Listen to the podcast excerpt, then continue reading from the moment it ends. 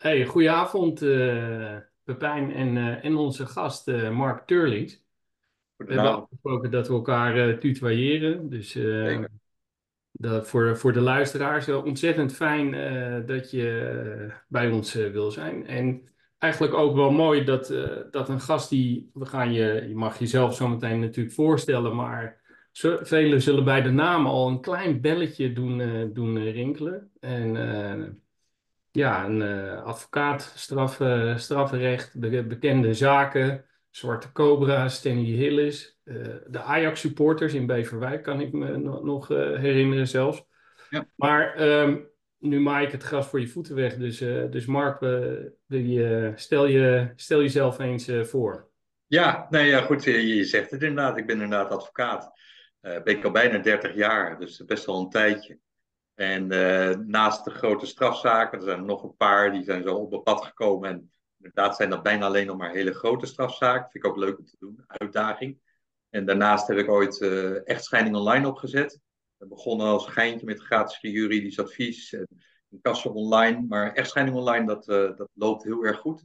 Dus simpele echtscheiding voor mensen die het helemaal eens zijn. Die kunnen dat online aanmelden. Nou, dat is heel groot geworden, dus dat doe ik. Maar op een gegeven moment, ja, ik ben een redelijke duizendpoot en ik heb niet veel slaap nodig. Dus ik ben wat andere dingen gaan doen. Ik wilde eigenlijk een keurmerk voor mijn site, voor dat echtscheiding online. En toen uh, ben ik zelf uiteindelijk een keurmerk begonnen. En dat is Webshop Keurmerk geworden.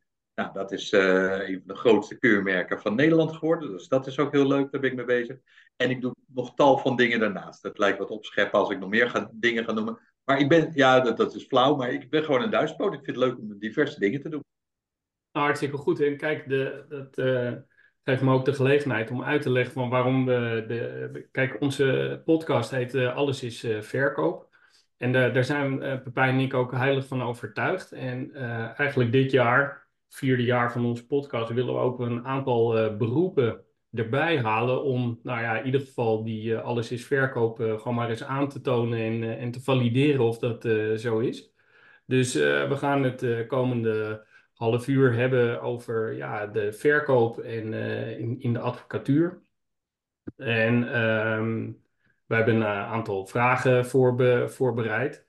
Um, maar als je, om, uh, ja, om gewoon eens af te trappen, zat ik uh, te, te denken van, je gaf al aan, hè, van je hebt ook een aantal magazines opgezet en een website, webshop, keurmerk, maar ook je eigen kantoor ja. Eh, in verschillende samenstellingen. Wat is nou de, ja, wat, als, als je nou eens uh, zou moeten benoemen wat, wat de connectie is tussen advocatuur en, en, en verkoop en waarin verschilt het nou met bijvoorbeeld je andere ondernemingen die, die je hebt?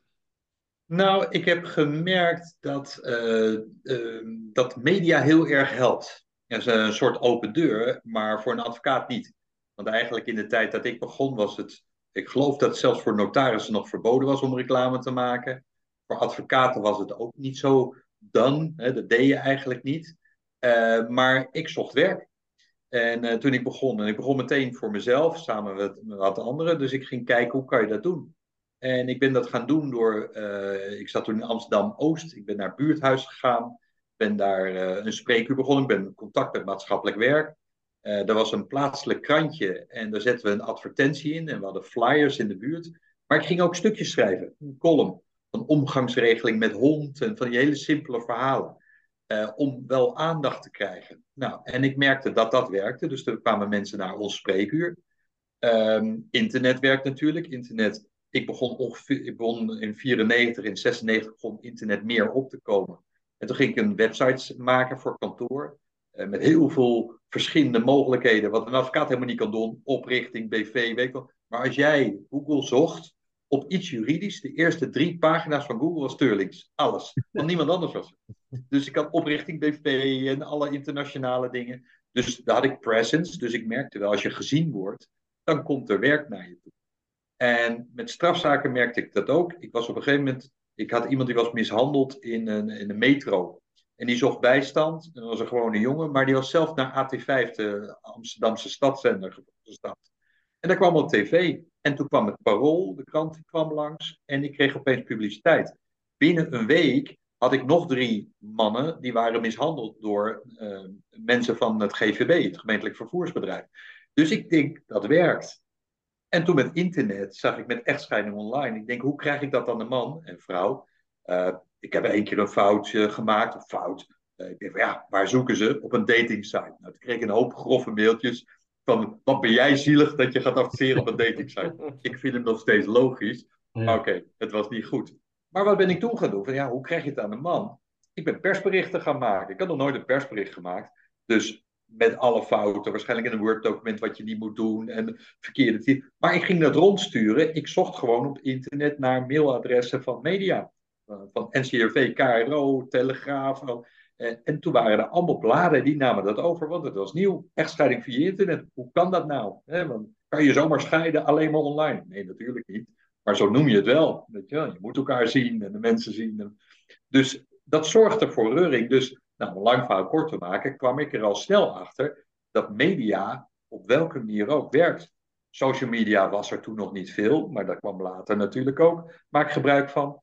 Maar toen ik ook werd gevraagd voor uh, televisieprogramma's, ik, ben eigenlijk, ik heb wat televisieprogramma's gehad met uh, bepaalde onderwerpen, dat is dan sporadisch. Maar op een gegeven moment werd ik gevraagd voor Boulevard dacht dat ze hem in de maling namen, maar uh, Peter kon toen niet. Die leefde toen nog natuurlijk. John en, en Bram konden toen allemaal niet. Dus ze hadden iemand nodig en hun blik was op mij gevallen, weer door tv. Dus toen zat ik daar opeens. En het werkt heel raar. Daarnaast shownieuws gekomen, WNL. En ik heb, ben steeds vast en deskundig geweest voor al die programma's. En dan word je bekend en dan denken mensen dat je goed bent. En dat slaat helemaal nergens op. Want je komt alleen maar op tv. Maar ik weet wel hoe het werkt. Want als ik vroeger een advocaat op tv zag en dan in het echi, dacht ik, die is goed. Maar het slaat nergens op. Nou ja, maar, maar, wel... maar misschien slaat het wel ergens op. Want zo'n programma vraagt jou natuurlijk ook niet zomaar, toch? Het is een uh, beetje nou, toeval omdat je, omdat je elkaar ik heb, kent. Maar... Ik heb een vlotte babbel. Dus ik kan, als je mij wat vraagt, dat juridisch, kan ik best wat babbelen zonder dat je denkt, wat is hij aan het vertellen? Weet je, allemaal moeilijke woorden. Nee, ik, uh, als ik een zin juridisch uitleg, en ik hoor daar zelf één moeilijk woord in, zeg ik in de bijzin daarna de vertaling daarvan in Jip en Janneke taal. Ja, precies. Ja. ja. Dus... Maar dus toch gewoon jezelf promoten en zorgen dat je een beetje in de spotlight staat. Uh, nou, daar ben je bekend mee. Sowieso leuk dat, je, uh, dat we iemand hebben als advocaat en als ondernemer. Dus dan kan je ook goed die link leggen. Maar zeg maar met het vak advocaat, hè? In, in het ja. vak advocaat zijn. Er zijn natuurlijk allerlei ja, eigenschappen, vaardigheden die je, die je moet hebben, die, je die je zo uh, op verkoop kan toepassen. Welke, welke vergelijkingen zie jij uh, daartussen? Oké, okay. los van hoe je cliënten krijgt, want dat is natuurlijk, je moet het goed doen en je ligt goed met mensen, is het in de zaal, op het moment dat ik sta te pleiten, is het uh, een spel. Een, een, serieus spel, want je speelt met mensenlevens, ja. maar het is het spel van de overtuiging. En dat vind ik ook heel erg leuk. Dus ik weet ook, ik zie alle methodes. Ik zie de agressieve methode, uh, die ik vind niet altijd werkt, maar die soms intimiderend voor rechters werkt. Sommige advocaten schreeuwend en tierend. En ik ben van het charme-offensief, maar wel op een serieuze en nette manier. Ik breng het met een vriendelijke glimlach, uh, maar wel heel erg duidelijk. En het is het, uh, verkopen, het recht in de ogen kijken. Hè? Ik ben constant bezig met die rechters achter de tafel. En uit mijn ooghoek houdt de officier van justitie in de gaten of in die ja. zit te doen. Dus Mhm. en, uh, sommigen zitten op papier te kijken, die rechters. Maar zodra ik voel als er eentje kijkt en naar me kijkt, probeer ik die blik te vangen. Zitten ze alle drie te kijken, verdeel ik de blikken. Want dat is mijn verkooppraatje. Ja. En op het moment dat ik iemand zie versloffen of de telefoon zie kijken, denk ik, ah, dan hou ik even stil. Want dan weet ik dat diegene niet naar me luistert. En, Ja. zeg, eh, en dat is heel irritant. Dus ik wil misschien even pauzeren. En dan zeg ik, eh, nee hoor. En, maar dat is eigenlijk ook verkoop, want ik verkoop mijn verhaal. Ja, dus dat is om je, de connectie met de rechter of de officier van justitie te behouden. Ja. Hebben we, met, we hebben altijd een eh, bingo die we bijhouden en connectie is er één van. Connectie leggen. Maar dat klopt natuurlijk wel. Ja, dat, moet je in de rechtszaal natuurlijk ook eh, doen. Zeker. Ja, en ik heb, ik heb een bingo van vijf eh, in ieder geval voor mezelf opgeschreven, omdat ik dacht, ik moet me dit, dit keer wel goed voorbereiden. Ik was ook licht zenuwachtig, maar ik dacht van, nou, als ik nu Ja, dat uh, riep het toch wel bij me op. Dus dat, uh, weet je wel, dat ik dacht... Voor de bingo of voor mij? Nee, nee, nee gewoon meer van straks zeg ik iets doms of uh, niet. Maar normaal doen we dit redelijk uit de losse pols. Maar ik had overtuigingskracht, inderdaad, pleiten voor, voor belang. Dat, die, die had ik inderdaad. In, in de bingo had ik ook... en daar zou ik wel op willen inzoomen, is de, is de behoefteanalyse. Ik benoem het even ja, zoals bij verkoop ook. maar ik kan me ook voorstellen dat je daar voordat je een case echt kan bouwen of een uh, strafzaak aanneemt, uh, dat je, hoe, hoe vindt dat eigenlijk uh, plaats? Nou, dat is ook wel een goeie, want ook doe je dat bij rechters. Je, je probeert aan te voelen wat zij belangrijk vinden. Dat zie je door interesse en als er meer interesse ga je daarop door. Maar voor cliënten, voordat je een zaak aanneemt, moet je natuurlijk, je ben je bezig met verwachtingen van wat, wat wil jij? Um, als iemand, als het bewijs hartstikke dik is en er valt niet onderuit te komen en iemand wil per se worden vrijgesproken, nou, dan moet je zeker aan het verwachtingsmanagement doen van wat is jouw, dan kan je wel zeggen, ik kan mijn stinkende best doen. En ik kan proberen om dat, en ik vind altijd wel wat. En elke keer als ik een dossier zie, denk ik, vind helemaal niks deze keer. Kijk, de tweede keer nog niks, en een, maar misschien een beetje. En aan het eind sta ik te pleiten als dat ik denk, hoe kan je deze man voordelen? Nou, dat, dat is lekker om te hebben. Het is wat frustrerend als je dan niet wint. Maar in het begin moet ik wel uh, eerlijk die behoeften uh, uh, analyseren en verwachtingen misschien temperen of daar eerlijk over hebben. Um, mensen komen bij mij omdat ik een vechter ben, omdat ik echt mijn stinkende best doe en hard werk. Dat, is geen opzetterij, dat is gewoon een feit. Als ik een zaak doe, ga ik er vol voor. En ik wil ook iemand echt helpen. Maar je kan geen ijzer met handen breken. Ik heb, uh, afgelopen jaar was een gigantisch mooi jaar. Ene vrijspraak naar de andere. Dat is echt uniek. Dat, kan je, dat kan, komt niet amper voor. Kan ik ook niet makkelijker halen. Ik kreeg niet iedereen vrij, maar wel heel veel. En er zijn ook mensen dan naar me toegekomen, want dat komt ook in het nieuws. En die dan ook daarop hopen. Maar sommigen weten ook, zoveel bewijs in chats en weet ik wat, dat gaat er niet lukken. En die mhm. komen dan eerlijk ook met van, ik wil, dat is nieuw, procesafspraken. Dus een deal maken, uh, dat je in plaats van een hele hoge straf, dat je akkoord gaat, ik ga geen hoger beroep instellen, geen getuigen voeren, minder straf. Nou, dat heb ik net bijvoorbeeld voor iemand geregeld. Uh, en daar is, de eis zou 12 tot 15 jaar zijn. En we zijn nu uitgekomen op 7 jaar en voor 1 jaar betalen. Dat is nog heel veel straf. Maar ik heb in het begin met hem gezeten en gezegd: luister, we gaan insteken op 4,5. Dat gaat nooit lukken.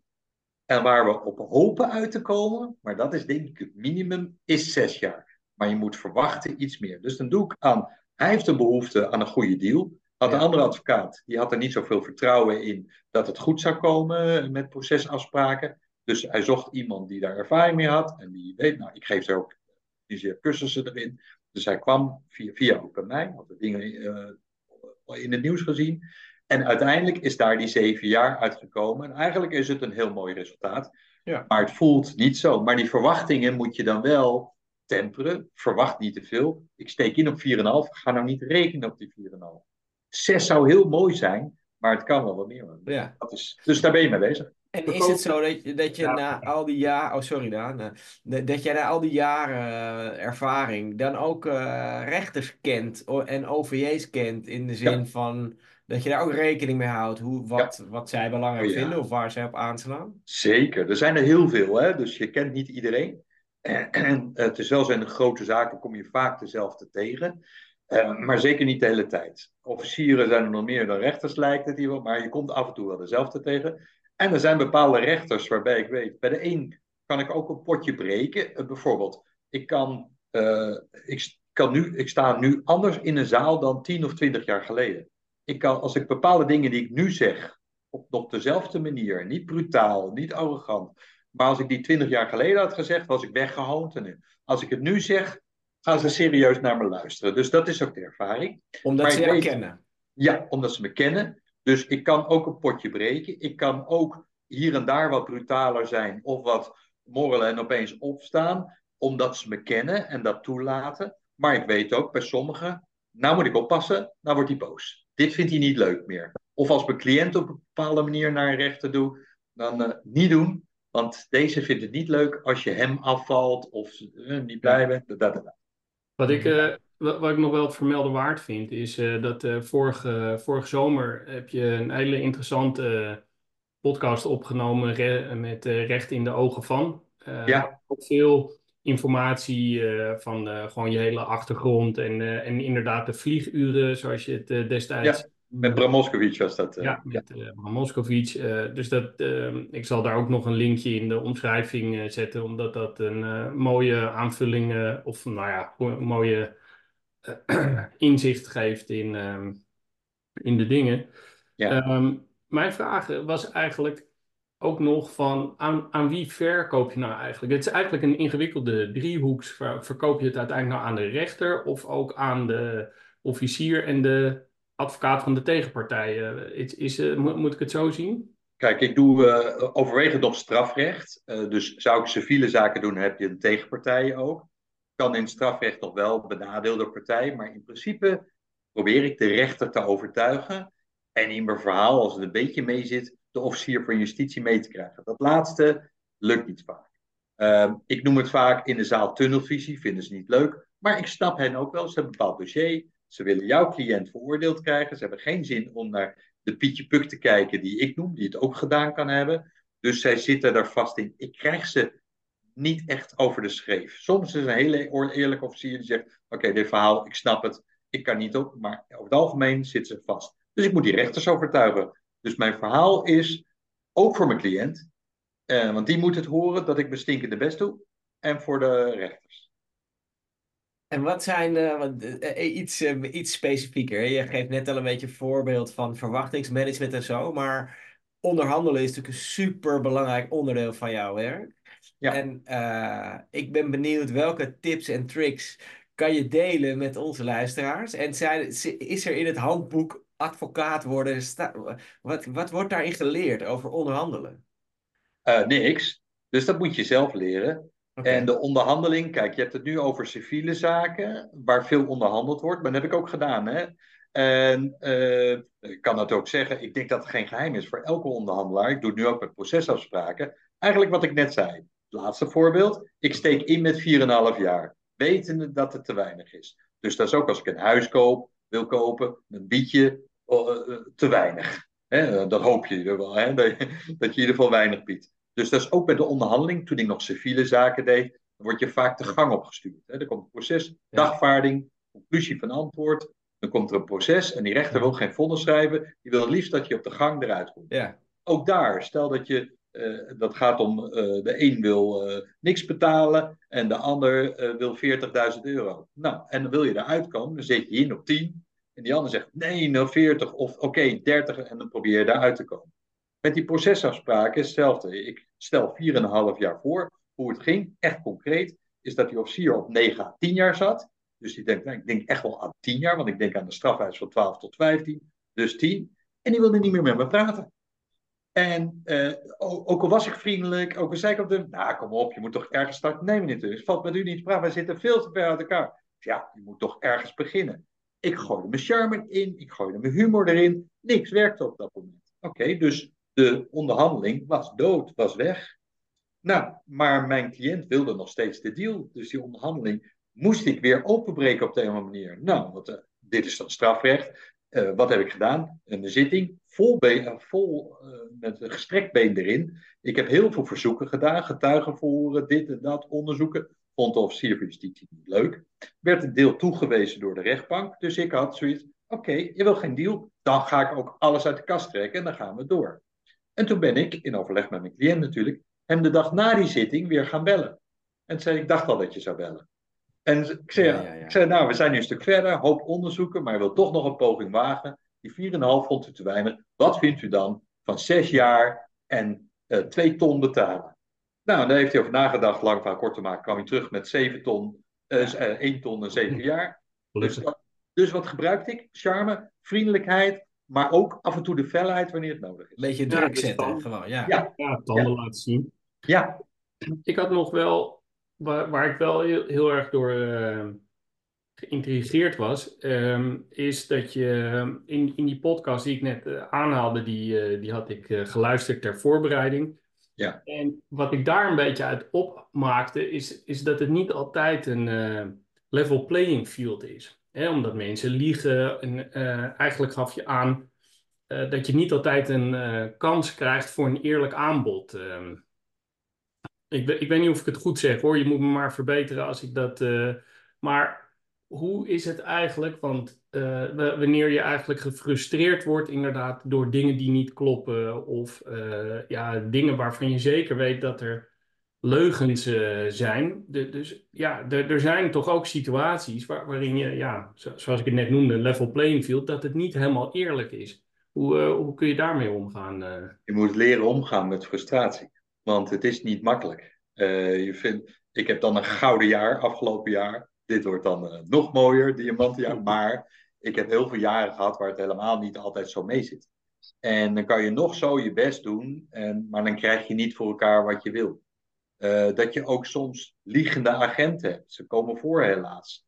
Liegende getuigen, schering en inslag. Niet eerlijke officieren van justitie. Ik heb een zaak in Amerika gehad hè, van de Zwarte Cobra. Nou, daar, ja. dat is het gewoon, noemen ze niet testifying, maar testifying. Dus niet is bizar wat daar gebeurt. Niet eerlijk proces, gewoon echt niet eerlijk. De frustratie die je dan krijgt van, kom on. Ik weet nog dat ik, ik heb dat hele proces daar zelf gedaan, samen met een Amerikaanse advocaat. Drieënhalf jaar in de States. En daarna heb ik zelfs, nadat de veroordeling komt, de officier of justitie daar gemaild. Kom op, jullie weten hoe het zit en doe daar niet te Oké, en ik ken ook een collega die lang geleden een keer ook uit frustratie schreef. Toen was hij niet blij met een uitspraak van het gerechtshof in Amsterdam. En die zei: bommen op het hof. zo de frustratie. Ik heb geleerd om die frustratie te kanaliseren. Laat het. Ik heb het nog wel eens vergist. Hè, dat, dat ik ach, niet kon laten. Ik begrijp niet hoe die rechters zijn gekomen. Nee, Mark, niet doen. Je hebt een beroep, hè, hoger beroep, daar kan je het nog doen. En als dat niet lukt, ja, dan is het ook omgaan met die frustratie. En uh, ik laat me sowieso niet gek maken hoor. Maar op dat moment welke, nou zeg, hoe, hoe, doe je dat dan? Hoe doe je dat dan? Want dat is echt ervaring. Je moet dat vaak meegemaakt hebben. Hoe kunnen wij met jonge mensen, want in de verkoop heb je ook te maken met verlies en oneerlijkheid en noem maar op. Nou, jij hebt ongetwijfeld, uh, je noemt al een paar voorbeelden, ook echt serieuze zaken verloren. Dat je echt mega van baalde. Maar, maar hoe, uh, hoe ga je daar mentaal mee om? Nee, maar dat hoe is kanaliseer je die frustratie? Ah, het is een hele mooie vraag, want dat geldt niet alleen voor de advocatuur. Dat geldt voor het hele leven. Het leven is niet makkelijk. We staan allemaal op, we worden allemaal maar geboren. Nou, Paul, verdorie, wat krijgen wij een hoop problemen. Allemaal. Allemaal. Dus je kan, en heel veel mensen raken daar heel van in de stress en ellende en depressief.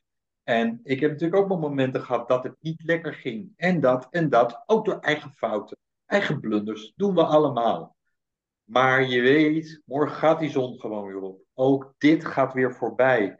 Zit het financieel uh, niet lekker? Ook die tijden hebben we gekend. Vroeger met mijn familie, met mijn ouders, later ook zelf, in mijn studententijd, maar ook wel eens zakelijk. Ik van, ah, dit gaat allemaal. Maar het gaat voorbij.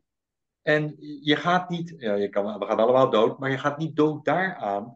En er is altijd wel een oplossing. Ook al zou je helemaal terug moeten naar helemaal niks en een klein huis, geen auto. Als je dat accepteert, zodat het erbij hoort en dat je jezelf eruit vecht, dan dat geldt naar mijn mening voor alles. En dat geldt dus ook voor die zaken die je verliest. Op dat mhm. moment is het vreselijk frustrerend. Maar je hebt je best gedaan. Je kan jezelf in de spiegel kijken wat dat betreft. En er komt weer een zaak daarna. En natuurlijk, sommige dingen kunnen pijn doen. En dan heb je nog een, een dagen of weken last van. Maar uiteindelijk, tijd hield alle wonden, is echt zo. Maar is het niet zo dat je gewoon veel ja, uh, deals verloren moet hebben, veel zaken verloren moet hebben om daar goed mee te kunnen omgaan. Om inderdaad mentaal op een gegeven moment dat niet meer zo lang met je mee te dragen of helemaal persoonlijk op te vatten. Ja, dat is waar. Nee, dat is waar. Kijk, ik kan me voorstellen bij iemand die het altijd voor de wind gaat en opeens niet, die schrikt zich helemaal rot. Ja. Dus in denk van, hè, alles is opeens tegen me. Hoe komt dat? Universe, karma, wat heb ik gedaan? Weet je, zoiets. Uh, maar als je vaker tegenslagen, dan is het gewoon ervaring van ja, dat hoort erbij. En daar word, daar word je uiteindelijk een goede advocaat van, toch? Denk ik. Juist door de, je hebt het ook nodig om beter te worden, want daar leer je weer van. Uh, ja, ja je, dat is weer meer mijn best doen. ja, hoe meer uit de kast halen om dat te winnen, ja. Ja, je wil niet meer verliezen, ja. Dus, ja, ja, ja. dat is waar. En eh, ik had ehm, bij de, bij de bingo kwam het woord eh, op, oplossen, oplossingsgericht. Die, eh, die, die, eh, die heb je natuurlijk ook.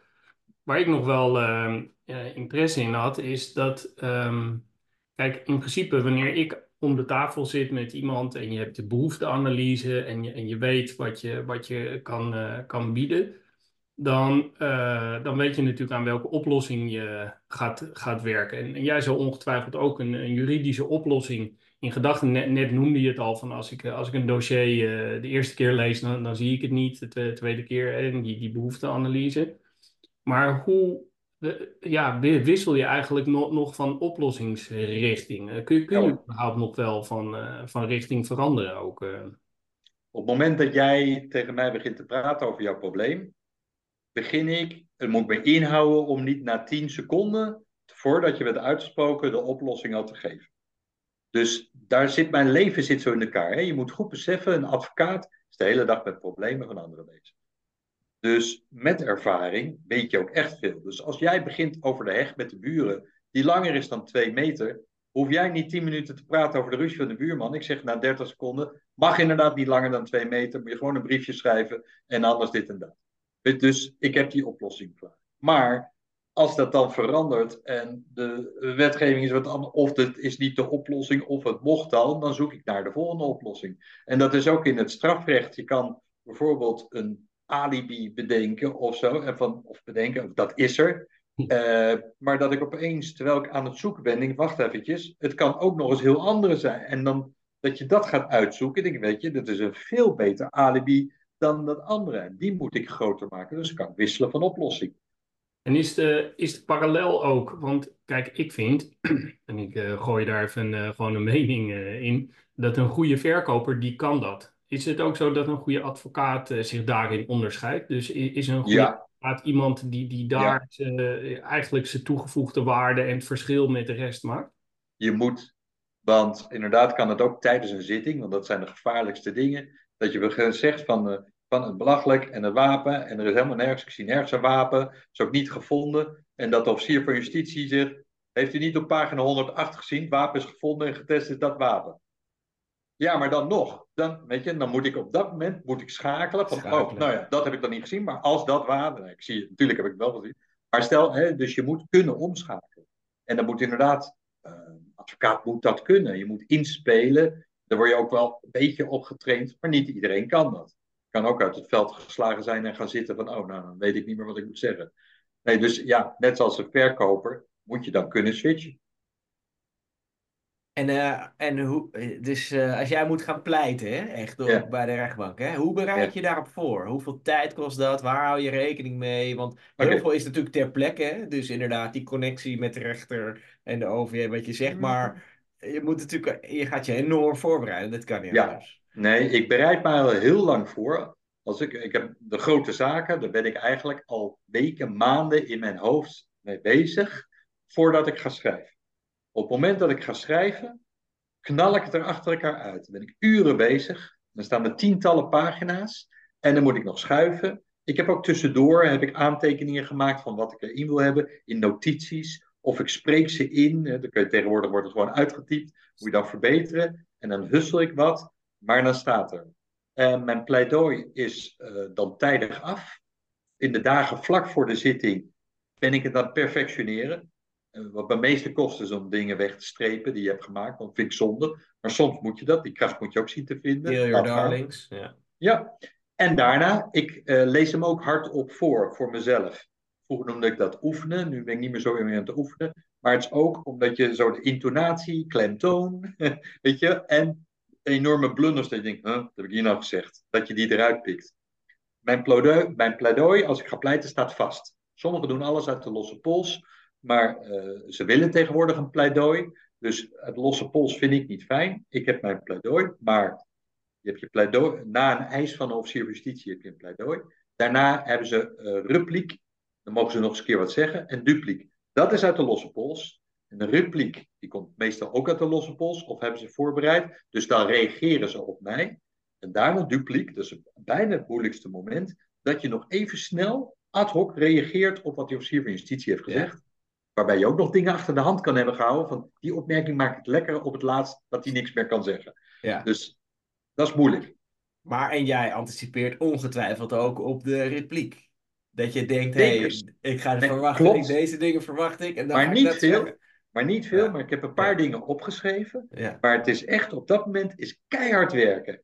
En dat is heel erg irritant als je cliënt zegt: hé, hey, hey, wat hij nu zegt is. Nee, laat me even. Want eh, dat doe ik heel vriendelijk hoor. Maar ik ben op, mee aan het schrijven met de repliek. Dat ik daarop moet reageren, daarop reageren. En daarna, terwijl ik hoor praten, dussel ik, zet ik nog een eentje bij iets. Dat ga ik eerst zeggen, daarin reageren. Ja, En ja, die aantekeningen zijn meestal niet leesbaar. Dus ik probeer het ook nog leesbaar voor mezelf te maken. Want je moet heel snel schrijven. Ja. En, dan, en dan denk ik, en dan zegt ze, meneer Tullings, heeft u tijd nodig om eh het dupliek voor te bereiden? Nee, dan zit ik vol in. Kom maar. Vind Mooi. ik ook stoer. Want ik denk van, nou, laat ik zien dat ik er bovenop zit. En ik pak meteen beet en ik kom met die punten.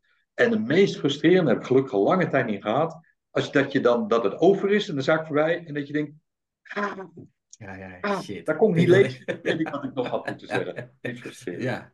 Maar is En, het eh, zo dat... Ja, eh, sorry. Ja, je gaf net aan van eh, oefenen de- doe ik niet meer. Wij, wij hebben in een eerder stadium, of in een eerdere aflevering kan ik het beste zeggen, wel aangegeven dat, en ik doe dat nog steeds wel eens, ook al ga ik ook al wat jaartjes mee. Ja, je, je eigen familie is, is, is goed materiaal om, om, om het toch op te oefenen. En, en Nee. ja, weet je wel, dan, ja, als je je kinderen kan overtuigen, dan, oh ja, Ja. Ik denk, misschien is, is het pleidooi eh, en de, de zaak zo specifiek in jouw geval dat, dat, dat het niet uitmaakt, maar toch ook qua, qua Nee, nee, nee. intonatie, qua Het is wel leuk wat je zegt. Eh, eigenlijk oefen ik af en toe wel. Nu, eh, ja, ik doe het ook wel eens in de auto, maar niet meer zo. Vroeger deed ik het vijf tot tien keer om echt in mijn hoofd te stampen. Nu is het één keer misschien of zo. Misschien nog een tweede keer. Dus ik oefen wel. Het pleitnota voorhouden voor familie of vriendinnen, dat kan ik niet. Want dan zie ik reacties, dat, nee, daar, hou ik niet van. Eh, ik doe het wel eens en dan zijn ze in de buurt. Als ik geen reactie krijg, geen morgen, dan kan ik zo door. Maar het liefst doe ik dat zonder. Maar wat je heel goed hebt, is dat ik ze wel probeer te overtuigen van een verhaal. En dat heb ik, nou, bij mijn dochter die hier liep, weet je, daar heb ik wel eens een verhaal uitgelegd. En dan komen er vragen, maar vooral ook bij mijn, eh, bij mijn vriendin, Kim, als ik dan dingen uitleg en, en zij stelt hele kritische vragen, en dat helpt mij enorm. Dan zeg je, ja, ik ben niet overtuigd hoor. Zeg ik, hè? Ja, maar dit, nee, ik ben gewoon niet overtuigd. En, en ik hoor dat graag, op dat moment niet natuurlijk. Ik denk, ja, maar ik heb dit en dat. Nee, maar weet je, ik voel hem gewoon niet. En dan weet ik, wacht even, dan, als dat bij jou al niet overkomt, terwijl jij weet waar ik mee bezig ben, dan moet het. Dus dat helpt enorm. Dus ik spar graag met haar en, en hou dingen voor.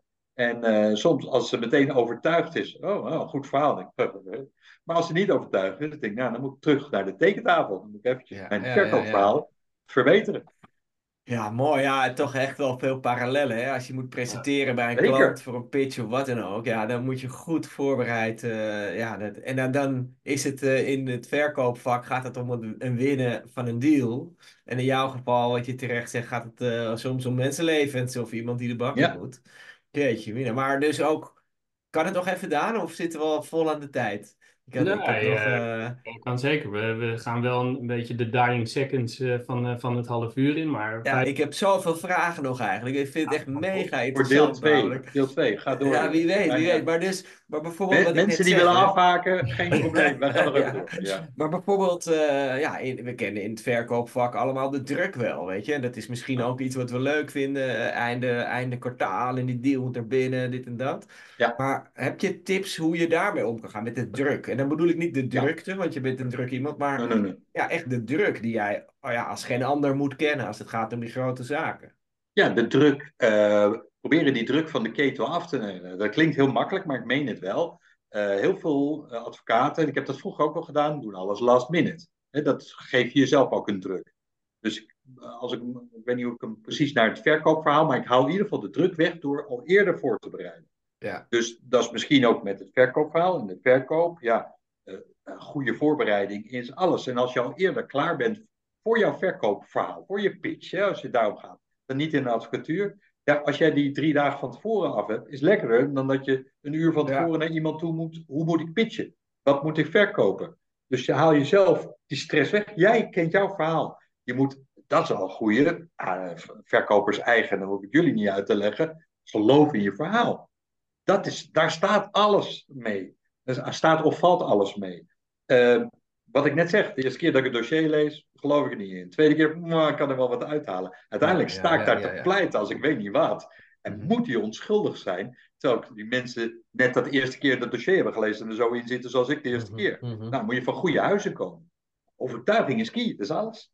Dus dat geldt ook voor die verkoper. Dit is het product, dit moet jij hebben. En dat je ja. niet hebt. Ik heb hier een kraan staan. Dat ik denk, ja, oké, zuiver water, die is heel erg goed. Maar ook een waterstofzuiger. Bij sommige dingen denk ik, je hebt me laten aanpraten door een vriend. Maar zijn verkoopverhaal is zo goed omdat je, ja. dat jij dit niet hebt. Dat is raar. Ja, Het is echt raar dat je dat niet hebt. Ja, dat is verkoop. Ja, mooi. Mooi, mooi. Heb jij nog een puntje aan? Jazeker, op mijn, uh, op mijn bingo van vijf uh, gaan we... Gaan we ik hoorde ook nog geen bingo, dus ik... Uh, ja. Nou, nu bij, ik, ja, je, je, weet niet hoeveel je diagonaal hebt op je kaart natuurlijk. maar ik had tot slot, want dat, dat is wel het laatste puntje, wat ik had relatiebeheer. Dat is natuurlijk ehm, een, ook een heel belangrijk aspect. Zeker.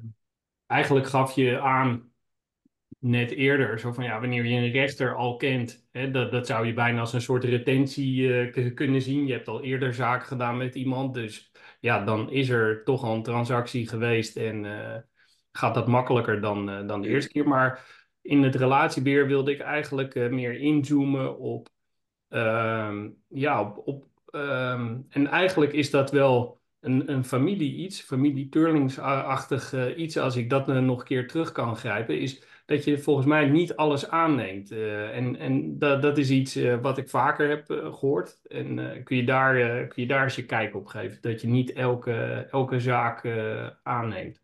Oh, op die manier? Nee, zeker. nee, ik ben, ik ben heel terughoudend qua zaken. Kijk, ik heb de massa dat ik andere dingen ben gaan doen. Dus dat ik daar ook centjes mee verdien. Dus ik hoef niet meer per se elke zaak aan te nemen. En dat doe ik dus, ik ben daar heel voorzichtig mee. Ik wil, ik wil me goed voelen bij iemand. Dat kan niet iedereen zeggen. Je hebt dat waarschijnlijk ook in een interview met Bram. Bram die ja. van ja, ik neem gewoon alles aan. En ik zei, ik moet iemand aardig vinden. Of niet per se heel aardig te vinden, maar ik moet me er, Senang, in Indonesië, ik moet me er goed bij voelen. Dat iemand oké is. Ja, wat ik ermee bedoel is dat je dus oh. ook wel eens een nee verkoopt. Uh, en Zeker vat dat een beetje onder het kopje relatiebeheer. Dat betekent niet dat je al eerst iemand. Uh, maar het zou dus kunnen voorkomen dat je.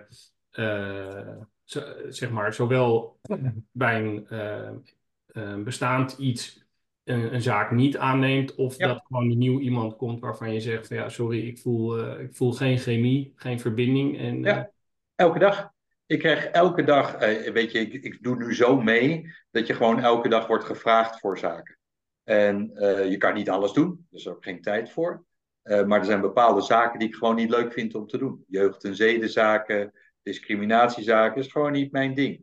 En sommigen zeggen dan, dat wel, een moordzaak heb je geen probleem mee. Nou ja, dat is inderdaad wat dubbel. Dus die snap ik wel, dat mensen dat afvragen. Maar dat, dat heb ik. Maar ik voel ook, iemand moet mij echt overtuigen van, ik wil jou graag als, als advocaat. En ik ben ook bereid daarvoor te betalen. Ik zit inmiddels, doe ik zo lang mee, mag ik best wel vragen. Daar had ik eerst moeite mee. Maar ik vind dat ik het ook echt verdien omdat ik zo hard werk. Maar ik, ik geef heel vaak nee. Zorg ik wel hoor, ik verwijs naar iemand. Je kan naar die, je kan naar die. En ik heb ja. goede advocaten waar ik mee samenwerk. Nou, dan zijn mensen ook alweer hartstikke blij hoor. Ik, heb, uh, ik moet ook niet half-half uh, helpen. Dat heb ik in het verleden meegemaakt. Zoals bijvoorbeeld de heg. Als ik daarvoor help, de heg is helemaal niet mijn ding, heb ik ook helemaal geen zin in. Dus als ik dan dat briefje moet sturen naar die buurman, dan komt een brief terug van een advocaat over die heg, serieus. En dan haak je af en toe worden mensen boos. Dus nee, als het niet mijn ding is, meteen doorschuiven naar een ander en een goede ander vinden. En niet halfbakken een beetje helpen. Want ja. dat, ja, en, en de, de parallel is wel de, dat ik vind dat je bij, bij verkoop uh, ook probeer je vraag en aanbod bij elkaar te brengen. Maar wanneer je gewoon merkt van ja, weet je, er, er, zit daar. Dat, dat gaat gewoon. Uh, gaat niet worden. is te groot of het, het, het gaat niet werken. Of je, je vindt de, de, communicatie totaal niet prettig. Ja. ja. dan moet je af en toe ook gewoon durven nee te zeggen. En uh, zeggen van nou weet je wat, jij gaat gewoon dat lekker bij een ander doen. En dan ga ik weer naar een ander toe. Ja, nee, zo maar is het. Gaat het Mark, gaat het jou niet eigenlijk ook gewoon om de kick van de win? Want, ja, van een zaak winnen. Ja, Ja, dat mag ik niet is- hardop zeggen. Eh, ja, natuurlijk dat, is toch kicken. Ja. Natuurlijk, natuurlijk. Het is, kijk, je, doet, je bent daar voor je cliënt. Dus de grootste kick is dat je het voor je cliënt bereikt. Ja. Sommigen verwachten het al, sommigen verwachten het helemaal niet. Maar dat is de kick. De dankbaarheid van de cliënt, die is ook Ja. die is fijn. Die wil ik wel een beetje voelen. Want ik doe het niet alleen voor mezelf. Eh, het is wel leuk van het strafrecht en grote zaken dat er wat aandacht voor is. Dat Ja. klinkt heel banaal, maar ik heb zo vaak strafzaken gehad. Ook wel met eerdere vrijspraken. En je loopt naar buiten en niemand. De, de tram rijdt langs, mensen lopen langs. Waarom staat niet Krekels, iedereen hier te juichen en te applaudisseren? Dit was zo'n huzarenstukje. ja. Maar dat is er niet. Dus behalve jezelf en je familie, je partner, weet ik, is het ook de cliënt. Maar natuurlijk is het de kick dan van het winnen. Ja. En de En wat was je van het verliezen. Ja. En wat was je allermooiste win? Dat is mijn laatste. Daar, daar ben ik helemaal leeg. Maar eigenlijk mijn allermooiste win, behalve de Zwarte Cobra het afgelopen jaar, die had niemand verwacht. Maar er was niet zo heel veel media-aandacht, was er wel. Maar eigenlijk, dat voelde wel als een mega-win. Maar wat ik nooit vergeet, is een strafzaak, de Assise-zaak van de, de oordopjesmoord in België. En dat was zo groot, drie, vier weken lang, daar kan ik zo een half uur over praten. Maar totaal tegen alle verwachtingen met mijn cliënt vrijgesproken. En een ander kreeg eh 25 jaar. En we liepen daar de trap af. En onwennig was ik toen nog met de Belgische advocaat en mijn cliënt. Tal van fotografen, flits, flits, flits. En dat was het. Wauw. En dat PTR mij toen belde. Nou, Mark, dat heb je goed gedaan. Die had ik niet verwacht. Dus dat was, eh, dat was eigenlijk het mooiste moment naast die van de Zwarte Cobra afgelopen jaar. Ja, nou daarmee komen we ook een beetje aan, aan het einde van, eh, van al met al een dikke drie kwartier die we, waar we de parallel tussen eh, de advocatuur en, eh, en verkoop hebben gelegd. Als Ja. we zegt, is, is, ehm, ehm, proberen we het altijd wel samen te, te vatten. Maar Ja. eigenlijk, als ik je ma- mag citeren net, en, en eigenlijk er zijn best wel veel onderwerpen afgegaan, maar Ja. overtuigen is key, zei je net. Ja. En eh, dat, dat haal ik ook wel echt als, eh, als belangrijkste hier, eh, hier uit. Ehm, ik, weet, ik weet niet of je het daarmee eens bent, Pepijn. En, Ja, overtuigen is key, waarbij alle legale middelen zijn toegestaan. Haal alles uit de kast. Natuurlijk, alles legaal. En tot op het randje, op de grens, in de Ja. advocatuur dan. Als je het maar bereikt. Ja, Ja. Ja. Nou, mooier, mooier kan het niet verwoord worden. Heel veel dank voor, je, voor je tijd. Heel graag gedaan. En, eh, nou, hopelijk eh, tot, eh, tot ziens. Lijkt me hartstikke leuk. Dankjewel jongens. Hartstikke goed.